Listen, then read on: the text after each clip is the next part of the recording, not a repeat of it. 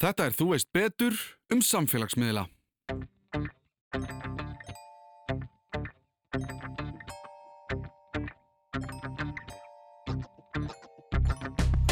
Fyrsta formið af Instagram heitir sko Bourbon Mhm. sem er það Whiskey and Bourbon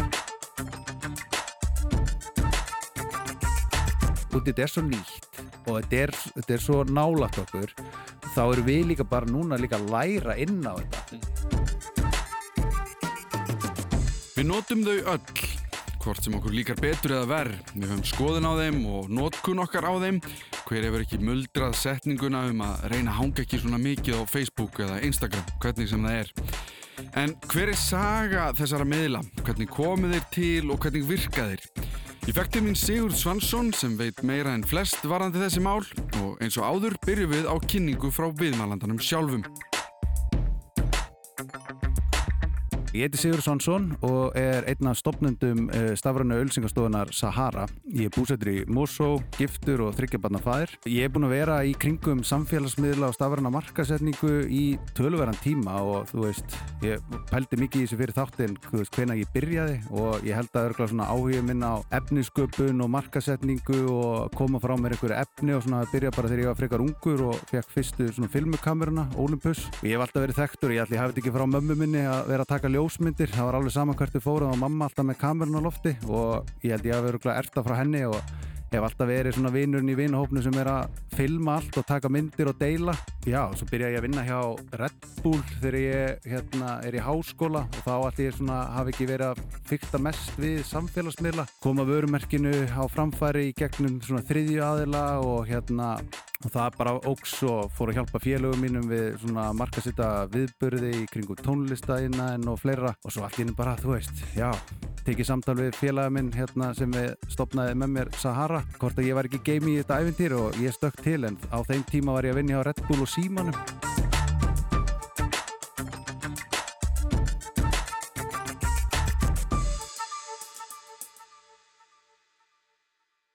Sko, fyrir okkur væri það öruglega MySpace, bara aldurinn, þú veist, við erum hérna 2086 og ég er 87 model og hérna, og mín fyrsta, þú veist, minning af bara samfélagsmiðlum er MySpace. En miðlar sem komu aðeins þannig undan, eða kannski tölvart undan, það er hérna samfélagsmiðl sem hétt 6 Degrees, koma á marka 97, Mm -hmm. þannig að tölvert á undan MySpace, Mm. en á þeim tíma er bara, þú veist, ég held ég að researcha þetta 2% af heiminum tengdir internetinu þannig að þú sér það að möguleikarnir fyrir samfélagsmiðla eða þetta form Mm. sem slíkt er aldrei að fara að springa út eins og við erum að sjá miðlan í dag eins og Facebook með yfir þú veist 2 biljón notendur Mhm. og hérna en svona það sem að kemur svo kemur Friendster 2002 og ef maður skoðar hvernig það er svona setupið á því þá það, svipa það mjög til bara MySpace og, og Facebook veist, þannig að þeir eru svolítið að kopja bara hvern annan og reyna að koma með eitthvað nýtt Mm sem að gæti heitlað, En það var kannski bara eins og að því að þú segir hann að 6 degrees, Já. 97 Já. Og ég hugsaði fyrst 6 degrees of separation sem Já. er þessi regla að ef þú hittir einhvern veginn þá eru alltaf, eða þá ætti ekki að vera minn en uh, hvað sex tengingar og þá Mhm. eru þið komin hvernig þið einhvern veginn ættu að þekkjast eða vita hvað öðrum eða hvernig það er Er þetta bara, þetta er allt bandersk fyrirtæki sem þú nefnir, er Mhm. það ekki? Jú. Er þetta einhvern veginn að þar hafi fólk byrjað að klikka, heyrðu, internetið er komið, mm það er einhver peningur eða eitthvað falin í því að tengja fólk bara saman 100% Ég man eftir að vera að, eitthvað að, að prakkarast á yrkinu mm þú veist, að hérna, og einhverju svona spjallrásum okkar þegar maður var ennþá yngri, Mhm. þú veist, hérna áður að maður byrjaði að stofna einhverja account á MySpace og eitthvað, svona þörfin til að eiga í samskiptum við aðra hefur bara alltaf verið til langt og undan frá því að fyrstu samfélagsmiðlur og annað hafa komið en bara með tilkomu internetsins og það sé orðið bara svona, svona common good bara, það er komið inn á öll heimili og hérna, og það er, er farið að svona vaksa, þá opnast bara á aðra möguleika í samskiptum og þeir sjá sér bara leika borði að svona búa til eitthvað í kringu það Mm. þannig að hérna, Er MySpace fyrsta svona velgengningsdæmið? Já. Er það fyrsta dæmið sem gengur upp? Ég myndi segja það sko Já. Þú veist, og það er það sem að maður hefur séð þeir áttu möguleika sko þeir átt, voru með alls konar svona einhverjar þú veist, háskólasíður og alls konar svona dótari þannig að þeir voru frekar fljótir að koma skilabóðum að framfæri að þú veist, MySpace væri komið á markaðin Mm -hmm. Eh, þannig að þeir voru fljótir að fá svona fyrstu notundunir og móka inn svona hérna eitthvað svona grunni sem, að, sem þeir svo byggðu upp sagt, samfélagsmiðlin Mhm. á meðan að kannski Friendster á sín tíma þú veist, þurft að byrja kannski á byrjun Já, þannig að þeir voru kannski með aðeins má svona forskott þeir sem að stopnu hérna MySpace en þeir tóku alltaf þessi strategið, þú veist, Friendster er svona meira kannski, kom inn á áðan þú veist, þú ber saman Facebook og Friendster svona interfacei í byrjun, tóli svipað MySpace fór, þú veist, fókusur á entertainment hlutan, tónlistina Mhm. og allt þetta, ég var að reyna að hugsa fyrir þetta spjall, sko, bara, hvað var ég að gera á MySpace, ég mannaði ekki annað en að kategoræsa átta vini mína efst svo þegar maður fekk kæristið og setti hann í fyrsta já. og svo man ég ekkert annað Já, ég man að það var alltaf mjög mikilvægt að hafa sko hvað lag Já. tók á móti fólki þegar það fór á síðuna Nákvæmlega En þetta var einhvern veginn og ég held að uh, árgangur nokkar eins og þú sagðir er Já. doldið áhugaverður að því að við erum að verða fullorðin á sama tíma á interneti er að verða bara hlutur sem allir eru með og allt þetta og við erum í mentarskóla þegar Mm. MySpace kemur út og ég man einmitt eftir sko en ef við erum að bera þetta sama við samfélagsmiðlun sem ég held að allir þekki í dag að þá var þetta næstu eins og þú værir, sko MySpace var að hjálpa þig bara að búa til heimasíðu svona þína heimasíðu Já. sem fólk bara fór inn á Já. sá eitthvað svona efni sem að Mhm. þú varst einhvern veginn að handvelja sem var alltaf svona takmarkað en þetta var einhvern veginn svona sko, representation Já. af þér Já þetta er svona social statusið þinn inn í, þú veist þitt svona nánasta og svo út á við. Mhm. þú veist, það er hérna svona fyrstu áhrifavaldanir er að byrja þarna. Er svona, það? Svona áhrifavaldanir innan gæsalappa. Þeir eru náttúrulega er að sækja í tónlistafólk sem er að koma sér á framfæri og svona. Mm Tila Tequila, hún hérna færi sig frá Friendster með sína fylgjendur yfir á MySpace og sendir á alla sína vini að koma yfir á MySpace og hún stækkar mjög hratt, fær miljón fylgjendur á MySpace, veist ég, Þannig að þetta var bara að byrja um leið. Því ég man alveg eftir þessu nafni, sko, ég veit ekkert hvað hún er í dag en, en ég man alveg eftir þessu nafni, ég Já. man ekki, já. Hvaða ári er MySpace? þetta er sko þeir koma að marka 2003 Já, þetta er 2003, Já. já, það meikar, þannig að, þú veist, hérna en eins og komst bara inn á, þú veist þetta er miklu meira bara, þú veist, þú varst að breyta þýminu, setja inn lögið þín fylgja, þú veist, uppáhalds tónlistafólkinu þínu sem Mhm. að voru þarna uppkvöta nýja tónlist, þú varst náttúrulega að deila einhverju statusum og einhver svona dótari en svona í grunninn mjög einfaldur, þú veist, social media account þú veist, þú- ég myndi ekki nenn að vera inn á þessu í dag í þessari mynd, Nei. sko en þetta er bara svo nýtt á þessum tíma að, hérna, að þetta er bara, þú veist, þetta var náttúrulega bara nýtt fyrir okkur og spennandi, sko, Mm. þannig En hvernig græðir, að því að sko, og við kannski förum í það á eftir, sko, hvað samfélagsmiðlar í dag er að gera, já, en peningurinn, mhm. ef við hugsun bara út í það, hver er viðskipta hugmyndin hérna? Varðandi þessa fyrstu miðlag? á þessum tíma er ekki verið að selja ölsingar og hérna allir svona, þú veist, áhugin á að kannski að fjárfesta í MySpace á þessu tíma er að, þú veist, er þetta, leverage á móti tónlistafólkinu þú veist, þeir eru að koma tónlistin á framfæri kinnana og svo framvegis Mhm. þannig að þetta er ákveðin stökkpalli fyrir þá að koma sér á framfæri á annan hátt, þú veist, að það, á þessum tíma ertu náttúrulega alveg háður öllum útgefendum og þannig að þeir sjá bara um markasetningun á þér og svo framvegis Mhm. Þetta er kannski svona í fyrsta skipti þar sem að valdi kemur svolítið hendunar á tónlistafólkinu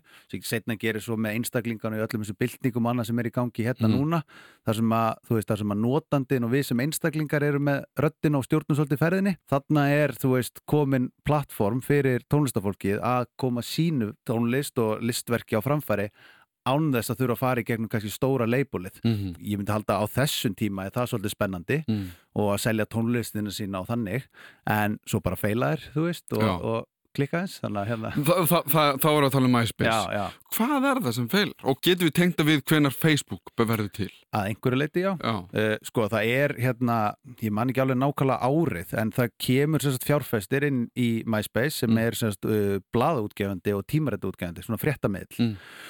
Og þeir eru bara allt og gamaldags og íhaldsamir varðandi, þú ert ekki með þetta svona, svona entrepreneur, svona frumkvöla powerið sem Mm. þú þarft til að vera að keira upp svona samfélagsmiðl og þú þarft svolítið að vera á keirslunni mjög lengi og ekki vera að pæla kannski í hagnaði eða neinu, þú ert bara að búa til bara næs plattform fyrir notendur þína og reyna að fá sem flesta notendur þessi fjárfæsti kemur inn og það er talið að hann sé einna af ástöðunum af hverju Facebook náði að skjóta svona hratt fram á þeim út af því að þeir voru kannski aðeins íhaldsamari og skildu kannski ekki af hverju þeir ætti að fara þessa leiða hina Mhm. og helduðum kannski svona aðeins svona afmarkuðum í staðin fyrir að gefa þeim kannski bara svona opin leikvöll Mhm. til að elda Mhm. og kannski að fara í samkeppnina Já, og Svo prófa bara- Já, Þetta er náttúrulega ennþá, er þeim tíma að sko, það voru einhverju vini mínir sem voru svona að vera hálf gamaldags og segja að interneti væri bóla sko. já, já, já. að þetta mynd- myndi bara springa og við náttúrulega höfum líka við höfum eiginlega sprengingu líka sem verður hérna þegar bara þessi markaðar hálfpartinn hrinur og allt það Mhm. Já, þessi, já, þessi netbúblu markaðar sem ég man nú ekki alveg hvaða ári er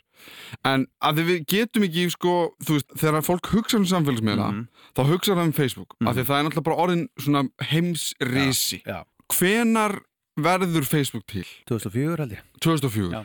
Þannig að þetta er bara tveimur árum, Já, einu ári já, eftir MySpace. Já, þannig að, já, einmitt. Það að því við spyr- leið- leiðið mitt að MySpace hefði bara komið og farið bara mjög. Ég held að þú veist að Facebook taki fram úr MySpace svona í kringu 2008 Þú veist, að það er samt- já, Þú veist þannig að MySpace er alveg þú veist, Facebook kemur ekki bara á markað mm. og MySpace hættir. Já, veist, það er alveg líður alveg, alveg nokkur ár þarna þar sem að þeir eru bara í samkefni mm og Facebook náttúrulega, þú veist, það eru örugglega margir búin að sjá heimildamyndina um bara samfélagsmiðla in general og svo náttúrulega Facebook myndina -hmm. og þar kemur bara, þú veist, er saga Facebook rakin frá því þetta var bara, þú veist, hugmynd var svo bara svona innri vefur fyrir háskólan sem að Zuckerberg var í Mm. og hérna og svo þaðan stækkar inn í fleiri háskóla og svo offisíali fer þetta bara á opinmarkað, Mhm. þú veist, verður að, aðgengilegt einstaklingum bara, eins og Mm. okkur bara þannig að, ok, Facebook er hann að 2000 og, hvað sagði, fjögur Já.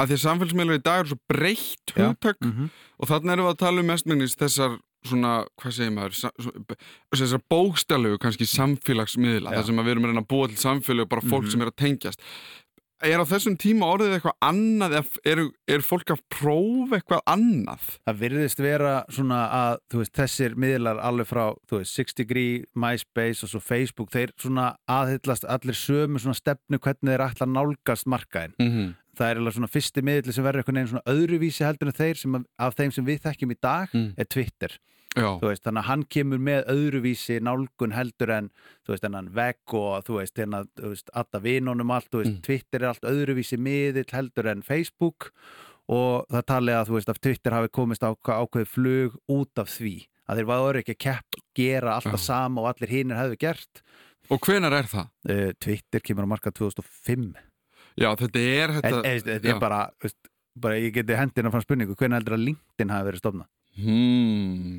Ég, sko, af því við erum búin að vera á svona sama bili, þá myndi ég segja 2006 Já, 2002, 2002, undan MySpace. Undan Já, MySpace? þá er LinkedIn byrjað að, þú veist, að grassera sko. þá var hérna Reid Hoffman sem er, þú veist, einn af stopnendunum hérna, og svona mastermindunum bak við það þá var hann búinn að vera með einhvern miðil sem held, minnir hétt sko social net sem var meira að hugsa svona dating plattform og til að, þú veist, auglýsa íbúðina þeinar og kynnast fólki og hann svo fer þaðan til Paypal og verður ríkur sérst í gegnum Paypal fær fullt af pening og byrjar upp á nýtt tekur með sér ykkur snillinga og býr til LinkedIn þú veist, þannig að þetta er svona akkurat þarna, 2002, 2003, 2004 5 er bara, þú veist Það er allt, allt að gerast. og það nertið þú með Silicon, Silicon Valley Já. og allt þetta, þú veist, þannig að það er þú veist, maður getur ímyndað sér ef maður fer, þú veist, hérna, ef maður fer alltaf á sama kaffehúsið Mhm. alltaf sömu típunar og alltaf vera að tala um sama þetta er ímyndað hvernig þetta er á þessu tíma þar sem að þetta er ekki stór hópur Mhm. og ef þú skoða bara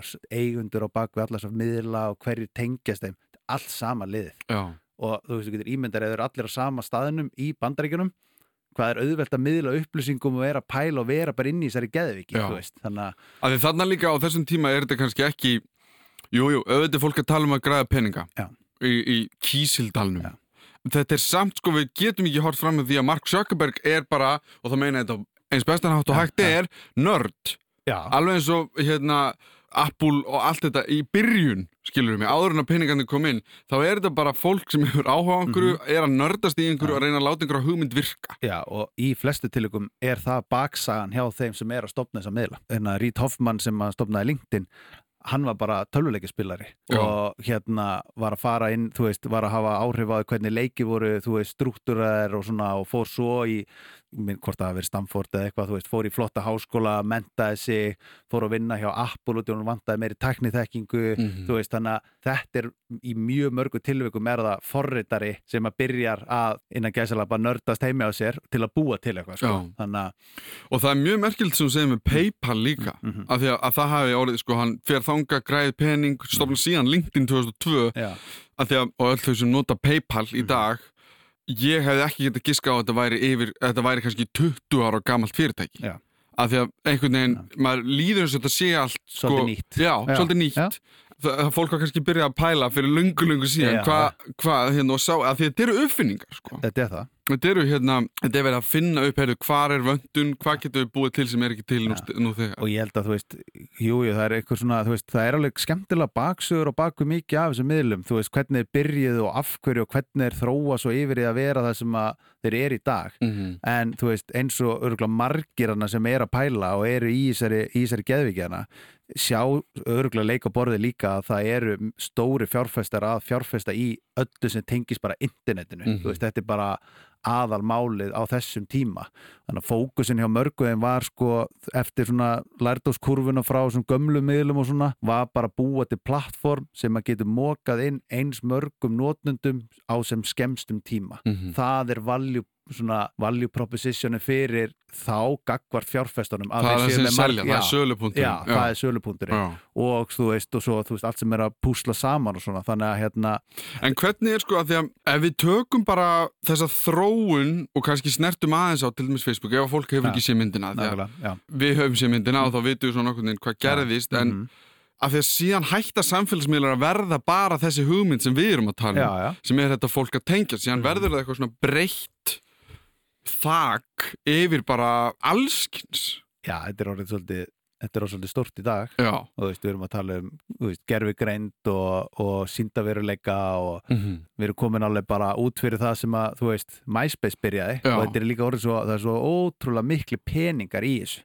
En er það sko þessi þróun frá segjum 2008 Mhm. þegar Facebook er orðið bara aðal Já, sem er náttúrulega bara 12 ár síðan. Að því mér líður og þá hafi samfélagsmiðlar, þetta, þetta orð orðið pínu svona eitthvað samfélagsmiðlar. Samfélagsmiðlar hafa áhrif á hitt og þetta. Það eru ógeðslega miklu peningar í samfélagsmiðlum. Mhm. fólk fyrir að prófa Google fyrir að prófa Google Plus held ég að hafa Já. heitað það s- byrja allir að sjá þetta sem einhvers konar svona gullkistu sem hægt er að segja í. Mm þróunin á þessum 12 árum hefur verið mjög hröð. Mjög getur við tekið einhverja hápunta eða svona einhverja svona það sem hefur breytt leiknum Mm, Ég myndi skjóta á að, þú veist, það sem að breyti svolítið leiknum er bara farsíminn, sko Já. og bara 3G-netið, 4G-netið og núna að verða 5G-netið, þú veist. Ég á minningu, þú veist, þar maður fór út að leika, í eh, bjó í gráunum, hitti krakkana og svo þegar það var komin útíðasta tími á búin, þá hljóp maður heim, ræst upp tölvun og fór á MSN mm -hmm. og held áfram að spjalla, þú veist, Mhm. alveg kannski frameftir á MSN. Þú veist, svo þegar komið farsíman í hendunar, þú veist, þá ert ekki lengur bundin við að þurfa alltaf að fara við tölvu. Þú veist, þá getur þú bara verið í þessu allan daginn, Já. alltaf Já. ég get ekki farið án þess að vera með síman þú veist, Mhm. og þú ert alltaf að refressa og það er þessi hérna, síki sem að hérna, og þetta ávenna bindandi, allt þetta, þetta slæma við samfélagsmiðla er, þú veist, það er máli bara þú veist, þannig að ég myndi segja að það væri farsíminn inn í þessu öllu saman sko. og að því að núna þekkja allir TikTok Já. þú veist, margir, mörg Já, þekkja já. TikTok sem er þessi myndbandsmiðvill -hmm. Sko Instagram og þessar svona þessi, þessi mynda Já, að að Instagram er bara app. Já. það byrjar ekkert á netinu eins og Facebook og allt þetta dót. Hvenar til dæmis kemur það inn? Og, og þa að því að það finnst mér líka hafa verið rosa stór. Og síðan varstu líka með, þú veist, með TikTok í dag en þú veist með Vine og þú veist með, þú veist, einmitt eins og með þessa fyrri samfélagsmiðla Mhm. þessa tilraunir til, með eitthvað format nákvæmlega. og sem eitt sén gengur upp alveg bara massíft og Já. það er Instagram Fyrsta formið af Instagram heitir sko Bourbon mm -hmm. sem er það Whiskey and Bourbon. Hann byrjar að býr til að, uh, app þar sem að einstaklinga geta deilt að hérna, hvert er alltaf að fara út á lífið og skipulagt svolítið svona pepparöldi sitt. Geotaka að þá staði sem að þeir fást gott bourbon og whisky og tekið mynd af whiskyinu þannig byrjar Instagram. Þannig svona vindur það upp á sig og þú veist, hann fer að hafa samband við félagin, þetta er alltaf eitthvað svona þú veist, það er eitthvað eitt sem byrjar, hann hefur samband við félagin sem að er einhver, með einhver svona skillset, einhver element. Þeir fara að leggjast yfir þetta og fara að pæla í því þú veist bara hvernig þið geta, þú veist, sprengt þetta upp út í að á þessum tíma, sko Instagram, þetta er 2009 eitthvað svo leis mm. og hérna fara að horfa á miðlinn, þú veist, þú ert með sko, hérna, mannstættir, hérna Foursquare, Já, já, veist, þannig að þeir eru með þeir eru með og fyrir þau sem við, vita ekki hvað fórskur er að þá að að, og þá getur það bæði verið þau sem eru of ung og þau sem eru tildurlega gömul Já, sem fór já. aldrei inn á fórskur nákvæmlega, en þá var það svona nokkurn veginn í sinni einföldustu mynd þú fóst eitthvað, fóst inn á fórskur í símanuðinum Mhm. og sagðir ég er hér nákvæmlega en þannig að þannig að er hann sko með uh, Foursquare elementið, Instagram elementið að deila myndum mm -hmm. og þeir ákveða bara að þú veist, fókus er á bara mynda, þú veist, þeir eru líka með messaging eða komment og eitthvað, þú veist, þannig að það er svolítið mikið einu appi Já, en þeir sjá bara mesta nótkunin er í kringum að myndadeilinguna að fólk sé að deila myndunum Mhm. að það sé svona heiti parturinn af appinu þannig að þeir bara fókusera bara á það Mhm. og búa til sagt, á myndaappið sem verður svo Instagram og fer á markað sem myndaappið mm. Instagram eins og við þekkjum það í dag sko. Þannig að þekkjum það þegar það kom fyrst á markað Já. þannig að það er í dag þannig hérna, og þetta leiði bara af sér væn, þú veist að að síðan líður mér eins og þetta, þetta er allt einmitt, samfélagsmiðlar í merkingu orðsins er þetta þetta samfélag þú ert Mhm. að tengjast fólki og vinir og þú ert vinur þessa og eitthvað mm síðan er þetta alltaf að reyna að finna aðra vinkla Já. á sama formati Mhm. til þess að græða peninga eða til þess að geta selt einhvern veginn. Þetta er, nei, þetta er samfélagsmiðl en hann Mhm. er öðruvísi. Nákvæmlega. Er þetta síðan bara þetta kapplöp sem að fer í gang? Af því að ég nefndi væn hérna á já, þú veist, það eru fyrirtæki sem hafa komið og það er bara svona nýjasta nýtt. Já.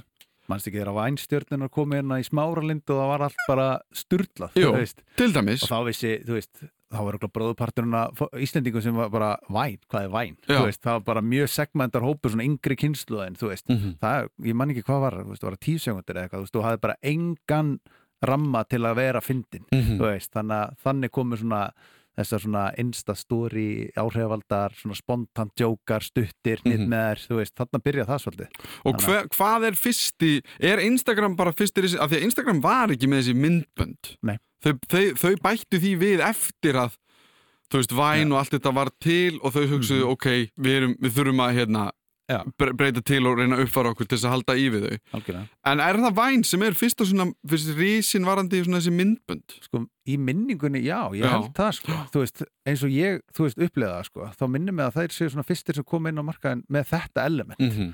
þannig að, en bara til að sína fram á hvað skiptir miklu máli að, þú veist, vera með eitthvað gott og keiri veist, Instagram kemur hann á markaðin 2010 fyrir almenna markað og hérna, eða semst almenna notenda og ég held að minnir að Facebook sé búin að kaupa á 2012, þannig að það líða bara tvö ár þar sem þeir bara vaksa og eru bara vinsælasta appið bara á Mm. markanum þetta eru rosalega stutti tími frá því að þeir komin á markað, stækka ógsta hratt og þeir eru kiftir á undan því voru þau búin að fá tilbóð um að láta kassa sig út fyrir sko 500 miljón bandaríkjadala. Mm. Facebook kaupir á 1 biljón bandaríkjadala.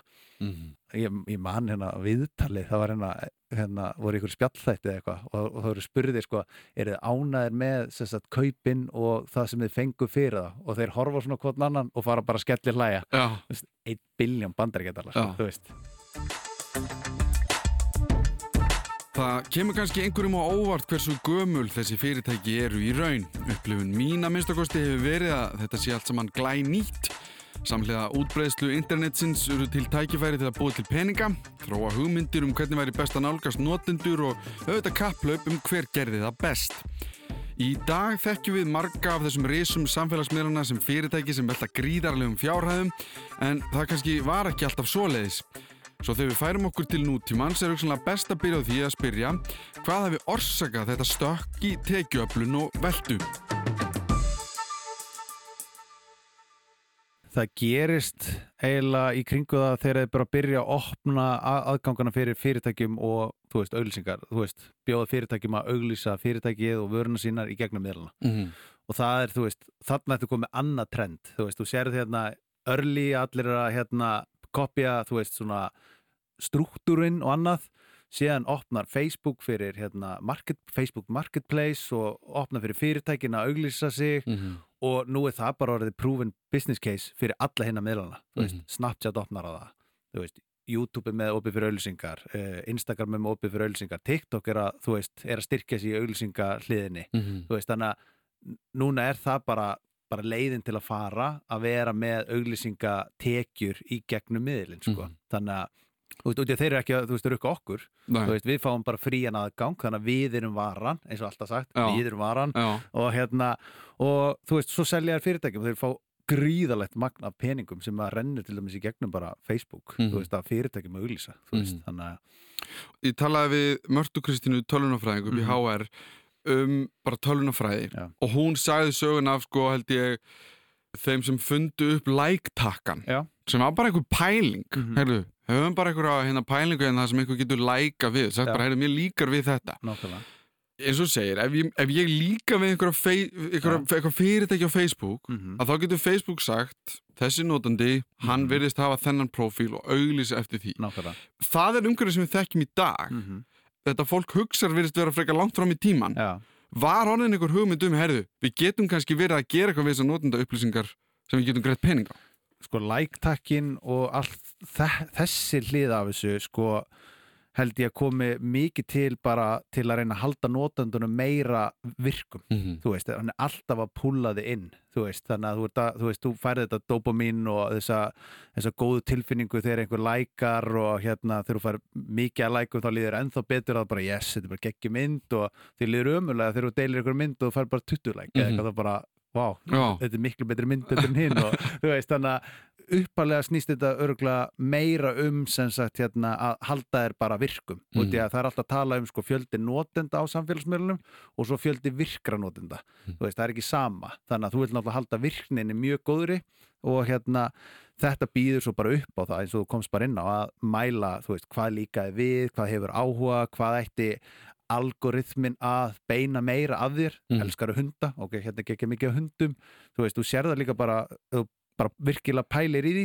prófaðu að fara á einhvern vin eða eitthvað sem þú er ekki tala við lengi og þú ert að fylgja hann á Instagram og tala við hann á Messenger senda hann skilabóð Messenger, það er ekki ólíklegt að Instastory á honum verður komið mjög framalega hjá þér bara Mhm. næstur að tjekkar eða þá að einhver byrjar að tjekka á þér og hann byrjar að ítast framar. Og þetta er ekki af bara, þetta er ekki random. Nei. Þannig Það er held ég líka mjög mikilvægt sem þú varst að segja að það er ekkert sérstaklega mikið handahófskent nei, í þessu. Þetta er bara, þú veist, ef mér líkar við eitthvað þá er ég að segja miðlunum að, þú veist, ég hef áhuga á þessu, komdu með meira þessu.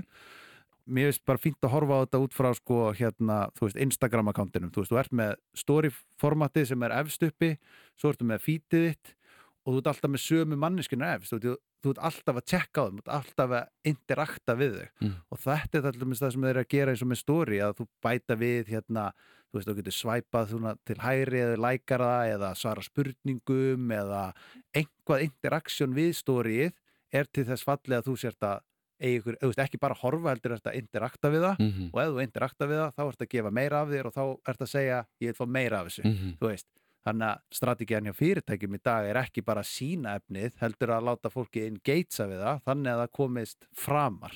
Þannig að því oftar sem þú deilir ykkur ómerkilu og sem enginn hefur á því aftaferði og þetta er ekki handóskend Sko, við erum hvorið sálfræðingar þannig að við getum ekkert farið að þú veist, tjá okkur eitthvað mikið Nei. um hvað þetta er að gera þú veist, þá þurfti ég bara að taka annan Já. þátt sem snýrist um það en þeir eru til dæmis að pæli að taka þú veist, þeir eru byrjaðar að prófa að taka út læknapin, mm -hmm. þú veist, þeir eru búin að testa í nokkur löndum þar sem að ákveðna færslur hafa ekki möguleikan á að læka þú veist, þannig að miðlanir eru alveg sem slíkir alveg meðveitar um, þú veist slæmu hlýðina af þessu og eins og komst bara inn á, við erum ekki sálfræðingar þannig að, þú veist, og ég vinn við þetta þú veist, en ég er alveg staðið mig sjálfur bara þar sem að ég tek, þú veist, Facebook og Instagram appi og setja bara í folder Mhm. inn í símanum mínum út að ég var farin að bara, þú veist, grípa sjálfur mig að bara fara í síman og skrolla bara til að skrolla Mhm. þú veist, þannig að þetta er ávanabindandi og ég held að þú veist, út í þetta er svo nýtt og þetta er, þetta er svo nálagt okkur þá eru við líka bara núna líka að læra inn á þetta. Þetta Mhm. er,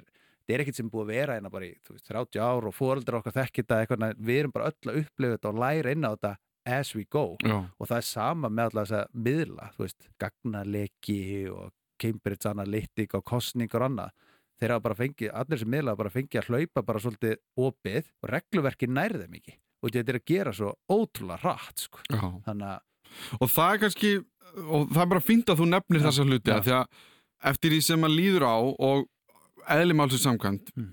er regluverki ekki ná þessu að því að við erum að reyna að tala um sögu samfélagsmiðla en hún er í raun samofin bara nútímanum Mm. Já. og sögu bara okkar þegar Mhm. við erum að alast upp og allt þetta þessi umsvif samfélagsmiðla mm og þessi áhrif þeirra Já. til dæmis varandi kostningar -hmm. allt þetta er langt síðan við byrjuðum að tengja þetta tvent eða fólk byrja að átta sig á heyrðu, við getum ekki nota þetta til þess að gera hvað sem við viljum, þú veist, Mhm. hvort sem það séu kostningar eða eitthvað annað, sko Nei, ég held að, þú veist, það getur vel verið að þetta hafi verið búið að vera að grasserast eitthvað sagt undan, þú veist, sem að við vitum ekki af, Mm. en fyrsta dæmi er bara núna þetta ný, nýjasta, þetta Cambridge Analytica sem er svona stóra málið í Mm. kringum fórsetakostningar og Donald Trump og svona, þú veist, það er svona fyrsta svona stóra sem að allir held ég kannist við, eða mjög margir og ástæðan okkur það er verið að þrengjað Facebook og af hverju þeir eru að breyta, þú veist, allir svona strategi í kringu sig, þú veist, þannig að hérna þú gast fygt í HTML-kóðunum hjá MySpace og breytt lukkinu á síðuninni. Mhm. Þannig byrjaði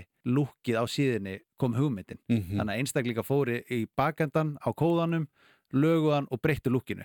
Þannig að það var, hérna, þetta var galli í? MySpace. Fyrsta cyberbullying sem á sér stað er á MySpace. Það er bara kona sem er í samskiptum við hérna yngri strák og síðan eru samskiptin byrt og hún er lögð í einelti hún er kærð og okkur, ég man ekki alveg þú veist nákvæmlega söguna og hún enda með að fyrirfara sér Mm. það er fyrsta dæmið af svona stóra sem er cyberbullying, það er þegar MySpace er það er þá bara 2003-2004 já, eða eitthvað eitthvað. svoleiðis. já, já. þannig að hérna og ka- kannski eitthvað aðeins setna en, en þannig að þú veist, cyberbullying í dag eins og það sé eitthvað nýtt, nei, þú veist, það Já, var að byrja þarna þú veist, þannig að við bara vissum ekkert hvað við ættum að gera við það Nei, kóða þú veist, bak, þú veist, að eiga við kóða og gagnarleiki og eitthvað, það var líka þarna mm þú veist, þannig að en bara út í að það var ekki eins stórt og það var ekki eins margir notendur okkar þá er þetta ekki eins mikið í umtalinu -hmm. en í dag, þú veist, er veist, ég man ekki nákvæmum tölur, er þetta ekki 2,1 biljón notendur á Facebook, það bara hefur rosalega mikið áhrif á okkur öll í Mm. heiminum þannig að þetta er ekki bara einhver 100 miljón mann sem að verða, þú veist, lendi í þessu það, það er basic bara við að, En það er oftast svona, ef, í vinahófnum mínu til dæmis talað um bara þegar að Facebook-leikin verður, já eða eitthvað, mm að þá er það kannski allt í lægi að því við erum öll í drullunni, sko. það er svolítið það sko. Það er ekkert bara eitthvað, hérna, einn okkur en tíu, það er Nei. bara einn, hvað, næstu í einn fjórað af heiminum já, sem er einhvern veginn búið að leka. þetta er rosalegt sko. Síðan fáum við inn streamers og þetta nákvæmlega og á YouTube Mhm. og þessum stöðum að þá, þú veist, ég horfi á myndbund þar sem að einhver er að kenna eitthvað í mynd, eins og þú segir og, og sem segir hann, ég er að nota samt þetta Já. ef þið viljið Mhm. og ég segi, ok, hann er að gefa mér hérna 15 mínútna myndband um Mhm. hitta þetta og hann segir, ég er að nota samt þetta ef þið viljið já, spurningi mín er kannski þessi Mm. skilur, ég segi, ok af því hann er að gera þetta, þá hlýti ég ekki að treysta honum fyrir því að það sem hann er að sé að auglýsa sé frekar traustökjandi, það sé Mhm. ekki eitthvað drastl er þetta bara önnur leið til að selja mér eitthvað skilur við, já er, er, er það bara máli? þetta er tekjun á þeirra Já, þú veist, þannig að þeir þurfa og ef þeir eru ekki að segja sannleikan og ljúa þér og þetta er umuleg vara þá kemur ekki aftur. Þá ertu bara búin að cancela hann, hann Mhm. er bara farinn Mhm. og þú bara ferði yfir á næsta þangar til þú farið þetta tröst já, þetta er alveg sama, þú veist, þú erið brjálar út í vinnin ef hann var að mæla með einhverju bíl og þú veist, þú bara að ykkur já, og svo bara, þú veist, þetta grínast eða? Já, veist, er ég, alltaf bilaður. Já, ég, þú veist alveg, ég fyrir alltaf fjöllum helgar og hann er enga veginn að meika það, sko, Nei, þú veist, og þá verður þú bara pyrraður, Já. þú veist, þess að náttúrulega aldrei að selja vinniðinum notaða bíliðin. Nei, Þannig að- það er einu.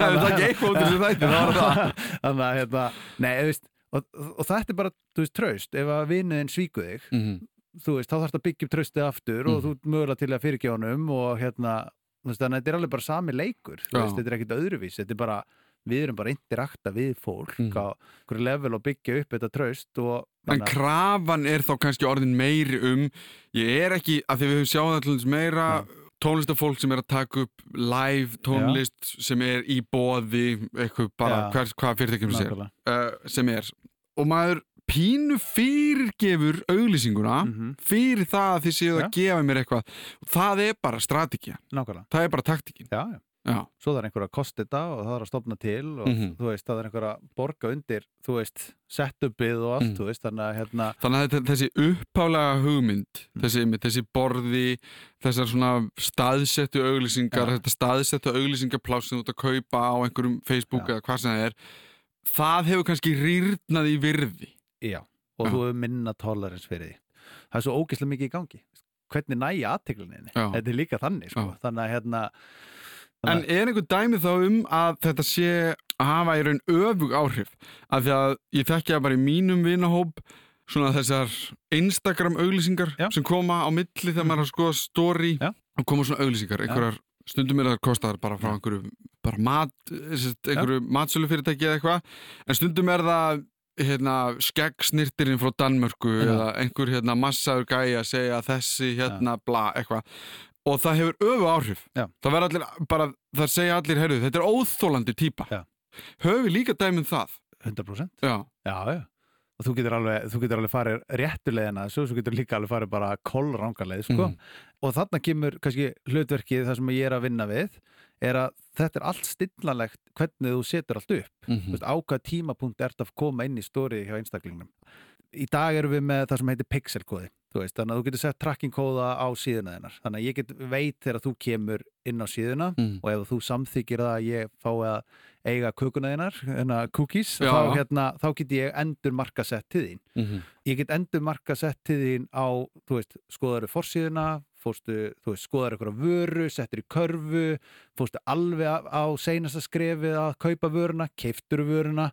Auglýsingaherferðin getur verið byggð algjörlega út frá því hvað þú ert að gera inn á vefsíðinni eða hvernig þú ert að interakta við kannski markasefni sem ég er að skjóta á þig til að byrja með. Mm Þannig að ég geti látið sjá okkar vídeo og þú horfir í tíu sekundur og hættir svo. Ok, þá fær ekki aðra auðlýsing. Þú ert ekki áhuga samar. -hmm. Ég get líka stilt að þannig að þú horfir á í 30 sekundur, 40 sekundur eða þú veist 80-90% af myndbandinu þá ert orðin heitur, þá færi næstu auðlýsingu. Þetta er allt stillanlegt Mhm. og ég get líka stilt að hversu oft þú átt að sjá auðlýsinguna. Ef þú ert að sjá of oft eða eitthvað þannig, þá eru alveg svona reglur og fræði þar sem að þú ættir að segja Æri, nú þarf ég að skipta um auðlýsingu, þú er búin að sjá hana oft. Mhm. Þannig að hérna, þetta er ekki lengur bara að setja eitthvað á netið eða á Facebook og bústa það Já. og þá bara, bara success og allir bara græða penning, þú veist en þetta er orðið núna, nú ætlum ég að setja eitthvað inn og það er eitthvað markkópur ég ætla að láta sjást hérna ef að gerist þetta, þá á þetta gerast ef að það gerist, þá gerist þetta og ef hann ekki búin að kaupa eftir þennan tíma, þá ætla ég að leifa hann að fara Mhm. Þannig, og sko það er kannski sumum finnst þú skrítið að heyra þið segja þetta Já. en þetta er ekkert lengdamál Nei, nei, þetta bara- er svona bara virkar samfélagsmiðlar bara allir samfélagsmiðlar sem við erum á Já. næstu því Mhm.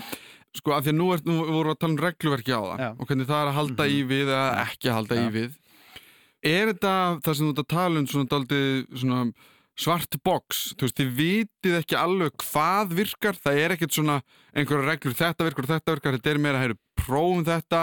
Hvernig það kemur út. Mhm. þú veist, það er engin einmitt eins og segir, hérna, bústum þetta bara og það er jæmt og peningar. Já, nei. Og ef, ég hef oft sagt það bara ef að, ef að leikurum væri svona einfaldur og ég ætti þess að töfraformúlu þá var ég bara þá var ég hérna hlæjandi einhvers staðar á snekju einhvers staðar á Karabíhafi Já. bara með fjölskyldinni sko. þú væri ekki hér að tala um hvernig þú grætir Jú, ég, jú, ég í f- fjarfundi Já. á snekkinu minni þannig, að- Nei, þú veist, ef að þessi töfraformúla væri til og allir væri bara gera þetta nákvæmlega eins þá væri markaðurinn bara mettar og það væri ekki sérstakt Mhm. inn í endi er þetta alltaf bara leikur af, þú veist, þú ert að bygg þú veist, markasfræðin á bakveit er ekkit öðruvísi heldur hún hefur alltaf verið þú ert að, þú ert með eitthvað staðfæslu þú ert með vörumerki, þú ert að þú veist, þú ert að höfða til markkópsins þins, þú ert að, þú veist look of feel, rödd, tone of voice allt þetta, þú veist samkemnisgreining og bara við getum talað um þetta endalaust. Fundamentally er þetta nákvæmlega eins. Við erum bara komið aðra byrtingamind og Mhm. aðra leið til að koma þessu á framfæri.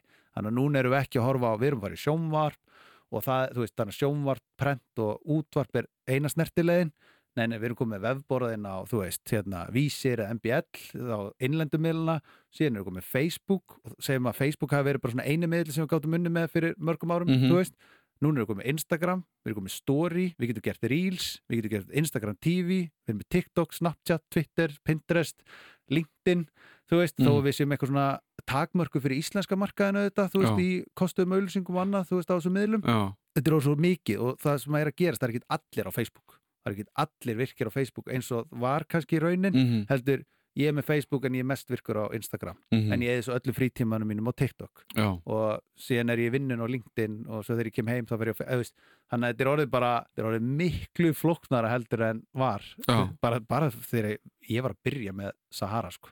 veist, það er fyrir fimm ára síðan sko. það er búið, það er búið að taka rosalegum breytingum sko. En, en það er svo merkjöld samt að þú- nefndir alla, öll þessi fyrirtæki sem Já. þú talaður um Mhm.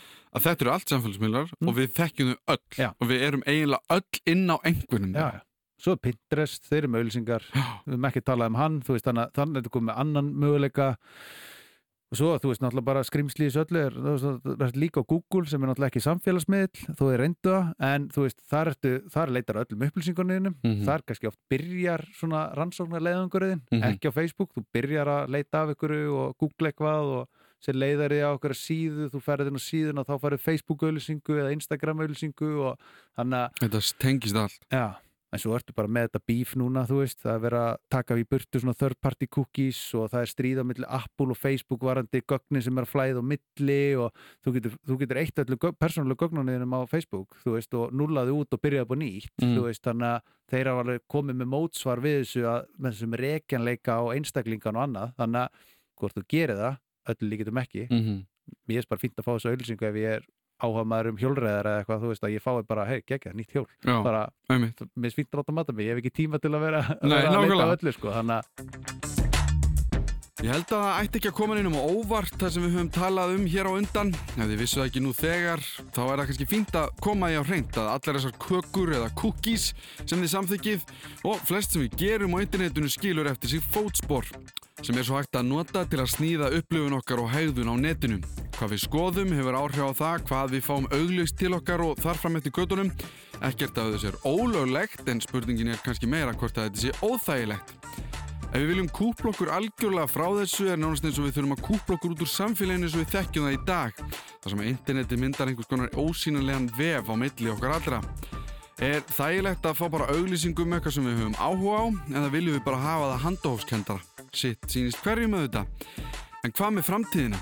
Við höfum farið hans yfir sögu þessara miðla sem er samofinn bara sögu okkar síðustu 20-30 ára en er þá eitthvað hægt að pæla í framtíðinni þegar allt verist breytast og þróast á nokkrum mánuðum?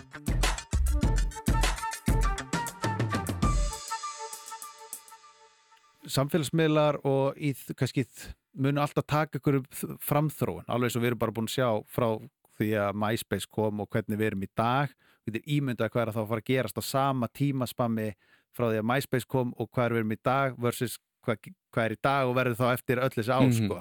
2033 Já, eitthvað svo leis, þú veist, þannig að hérna sjálfkerrandi bílar og allt það sko. Mhm. en hérna en maður sér það kannski að einhverju leiti til dæmis hvað þessi stór fyrirtæki eru að fókusera á þú veist, Facebook kaupir til dæmis Oculus, þú veist, síndaveruleika. glerugun þeir eru að búa til svona síndaveruleika þar sem að þú kemur inn sem avatar og ert að interakta við fólk eru að fara að sjá samfélagsmiðla fara úr því að við séum einhvern veginn að daily story og eitthvað svona þannig heldur setjum við bara á okkur glerun og við hittum bara vinnina og förum að spila og þú veist, interakta þar bara Mhm, við erum öllu líkitum að fara að færast í einhvern svona síndaveruleika, þú veist, Mhm. alltaf meira mhm. já, svona Oculus og þetta, Þetta er klikkað. er sko og þú veist, og þetta er tildurlega nýtt þú veist, þannig séð. Hvernig verður þetta eftir tíu ár þú veist, þannig að hérna en samfélagsmiðlar verða alltaf til eða það verður alltaf einhver til sem að mun gefa okkur kost á að eiga í samskiptu hvort sem að það verði í síndavöruleika eða messenger eða eitthvað þannig.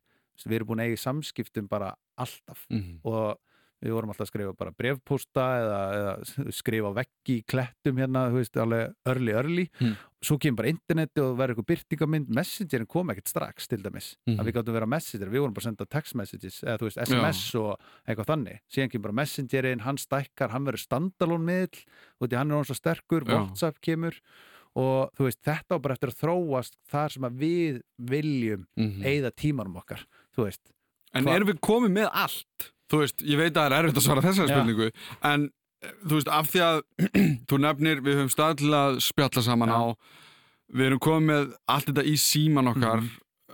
manni líður stundum eins og það sé verið að svona endurvinna bara, þú veist, TikTok er eiginlega væn nema Já. með smá breytingum líður þér eins og og nú er ég að segja aftur, þú veist náttúrulega ekkert um Nei. það því að þetta er svo fljótt að þróast og eitthvað. En erum við komin með flest sem að við gætum þurfti að verið í? Erum við bara að tala um þróun og sömu hlutum? Mhm. Eða er eitthvað svona teiknolofti varðandi er það verið að prófa bara eitthvað, þú veist, og ég veit ekki svona hvað gæti verið, af því mér líður eins og að sé allt til. Ég ekki bara segja nei, það er ekki allt komið ég er ekki með svari hvað það verður þú veist þannig að ég ætla ekki að eiga þetta á upptöku og segja að við séum stöðnu sko. Þannig að hérna, þá verður bara að hleyja mér eftir ykkur á sko. þannig að, en maður sér, þú veist við getum hort bara til, eins og til dæmis Kína. Mm. veist, það sem er að gerast í kringu WeChat þú veist, bara samfélagsmiðlinn þar.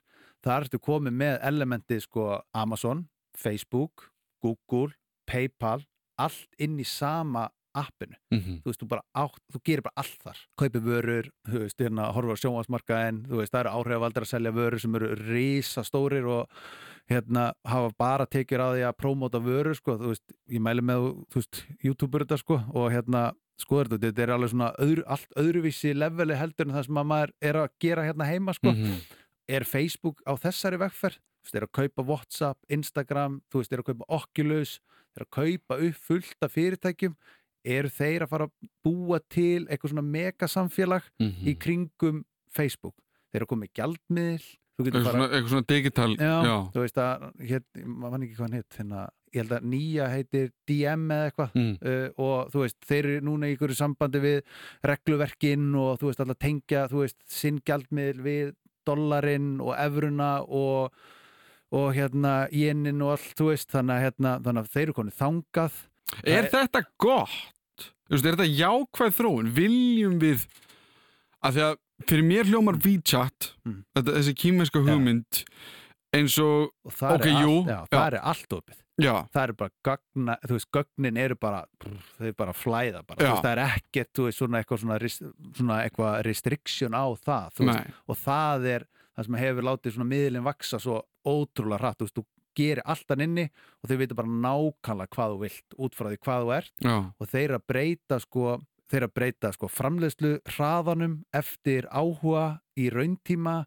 þeir að breyta vörunum út frá, þú veist, feedbacki frá, þú veist, notendum í rauntíma þú veist, þetta er allt jákvætt myndi maður halda, Já, en síðan hugsa ég er gott að einhver viti allt um mig eini og sami aðli Ja. ég veit að Facebook veit eitthvað um mig ég veit að Google veit eitthvað um mig en ég veit að þau eru ekki að deila þessum upplýsingum. Skilur við, Mhm. kannski ekki öllum. Nei, þannig að ég hugsa, ok, það er kannski ágætt að það, það er fullt af fólki sem, fullt af liði sem á einhverju upplýsingar um mig en þau eru kannski ekki öll bara að hittast á sama kaffehúsinu og Já. deila þeim.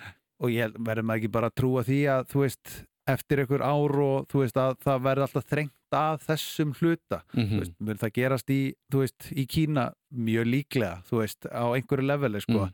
en þú veist, maður bara trúið, þú veist, þessi komin aðan, þú veist, regluverki er bara í sprettlaupi með tæknið þróunni, þú veist, Mhm. það hlýtur að koma að því að tæknið þróunni svona hægist aðeins, þannig að þeir nái -hmm. að grípa svolítið á fangit og mannum finnst að það sé að gerast akkurat núna er það þú ekki? veist, jú, þú veist, ef þú skoðar bara stækkun á Facebook, tekur bara risa stökk og svona, Facebook er búið að vera svona nokkuð jafnt og þétt núna upp á síkastið Mhm. Snapchat ríkur upp, jafnt og þétt Instagram, alveg bara stækkar og er, veist, næ, þeir ná allir eitthvað svona píki, veist, og svo bara er spurningu hvort þeir ná að halda því. Já, þeir ná þá þessu píki og eru í svona, svona flatline, svona missa eitthvað og geina eitthvað þá, hérna, þá vonandi ná við bara utanum veist, allt þetta. Mhm. og þetta verður bara raunveruleikin okkar, alveg eins og við erum bara með regluverk, varandi við meðum ekki keira og hratt og við þurfum að stoppa á rauðu ljósi, hvernig verður bara regluverki eftir tíu ár á netmiðlum? Mm ef þú segir eitthvað sem er lí veist, Donald Trump var köttar út af Twitter þú Mhm. veist, akkánturinn sem, út í að hann var með falska fréttir, Mhm. það er aldrei skeið áður nei, þú veist, það er verið að loka prófílum hjá fólki sem eru að fara með þú veist, bara rámt mál mm þetta er byrjað, Mhm. þannig að hérna og þetta er bara nýbyrjað, Mhm. þannig að aftur ef við hraðspólum bara eftir tíu ár hvernig verður þetta eftir tíu ár, -hmm. þú veist, þá getur verður að þú verður bara þú mátt ekki, þú verður að haga þér bara á netinu eins og bara haga þér í, í Já. raunveruleikanum sem er kannski eðlileg krafa Já, ég vil segja það sko. þannig þannig og síðan, og það náttúrulega leiðir að öðru sem er að, að því ef við tökum bandaríkin Já. til dæmis að Mhm. þá ertu með bara ákveð í stjórnarskráni Já. sem leifa bara ákveðna hluti freedom of speech og, Já. og þetta Mhm. sem við erum reyndar líka með og flest svona Já. löndi kringum okkur Mhm. en maður áttast ekki á því hvað áhrifin eru líka sko stærri við feðm, feðmri Já. Heldur en bara að setja regluverk um samfélagsmiðla og hvernig maður eigi að vera þar Já, já. heldur þá kemur inn í bara herði stjórnarskráin og Já. hvaða reglur og leifi höfum við sem þannig að þetta er rosalega mikilvægt fyrir bara samfélagið okkar í heild Hvernig gengur að uppfara stjórnarskrána? já, Það tekur smá tíma. Já. Þannig að þú veist, emmitt þannig að hérna, já, já, kannski fá við samfélagsmiðla ákvæði inn í hana þegar hún verður já, bannað að gera þetta og hitt en, en maður sér það bara, þú veist, að, það er oft talað um neikvæði liðina af samfélagsmiðlunum og allt svona, en þú veist, það er líka ótrúlega margt sem er bara svo jákvætt Mhm. og hérna, þú veist, allt þetta í kringum allar þessar byltingar sem er búið að vera og svona, þú veist, bara að, að svona kannski röddin og valdi komið til okkar sem einstaklingar og við getum haft áhrif þannig að þetta komið svolítið í okkar hendur þannig að við stjórnum svolítið ferðinni þannig að stórfyrirtæki eru farin að horfa miklu meira á sko þú veist, ekki þú fáir hérna loyalty kort út í að ég er svo frábært fyrirtæki ég ætla að reyna að sanna mig fyrir þér að ég sé frábært fyrirtæki og þú haldir áfram að vesla við mig. Mhm. hvað get ég gert fyrir þig þannig að þú fáir bestu upplifuna já, og allt sem þú ætlar að gefa mér þessi gögn og allt þetta það er til þess fallir að ég geti þjónust að þig betur. Mhm, þú veist, við erum að fara að sjá núna miklu meira svona tailor-made þjónustu, auglýsingar allt gagvart einstaklingnum út frá öllum gögnunum, þannig að að fyrirtækin eigi gögnin er að einhver leiti kannski slæmt, Mm. en líka ótrúlega næs, mhm, og því að þeir veit bara þú veist, eins og Nike, opnuðu hérna fyrir Nike appið, þannig að þeir vita bara þú veist, ertu að jóka, hvað hleypur mikið þú veist, þú ert í Nike skom, þú fer út að hlaupa og þeir eru búin að hlaupa ákveð marga kílómetra þá segir hann, herri, það er öll líkið komið tíma og þú uppfærir skonna þína og Mm. þú er búin að hlaupa það út því Mhm. við erum búin að trakka hvað þú er búin að hlaupa mikið mhm, má ekki bjóða þetta og þeir eru komið svona digital presence inn í búðina sínar og allt, þú veist, þannig að þetta er allt bara þannig að þeir geti þjónust að þig betur. Mhm, þannig að ef, þú- ferð inn í þetta með þeim hugsunahætti þá er þetta bara geggjað, nú er ég bara að fá bara alltaf best og ég þarf ekki að leita en eitt þeir ætla bara að segja mér, þetta er best fyrir þig mhm, út frá öllu gögnunum, já. þannig að Já, það er mjög mikilvæg punktur Já. og mjög að, að, hérna, að festast ekki í einhver svona heimsendapælingu. Að þetta er líka, jújú, jú, það er kannski verið að selja þér eitthvað, það er verið að gera eitthvað en það hefur verið þannig í mjög langan tíma. Já bara ekki kannski í þessu formi. Og, veist, og líka bara óháð samfélagsmiðlum, þú veist, bara þú veist, við erum fann að kaupa matinn okkar ekki netu og fá hann sendan heim. Samfélagsleg umgjörðin okkar er að breytast.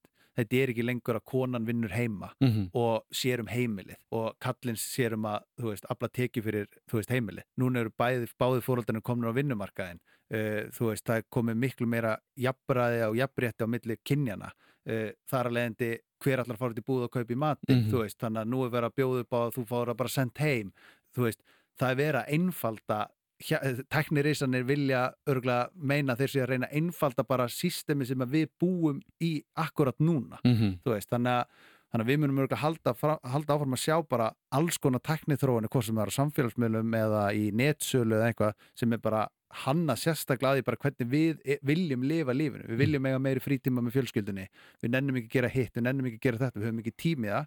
Og þannig mun bara plöggast inn alls konar þjónustur og uppfærslur sem bara henda nútíma samfélagi sem er, hefði verið gali að tala um árið 2003 eða áður að interneti kom bara senda matinn heim, þú veist Mhm. það bara glemdi þú veist, eða, eða sjálfkerandi bílar eða allt þetta. Þannig að Mhm. Þetta er svolítið skrítið, það er ókvæslega erfitt að vera að tala um eitthvað hvað er að gerast í tíu ár sko.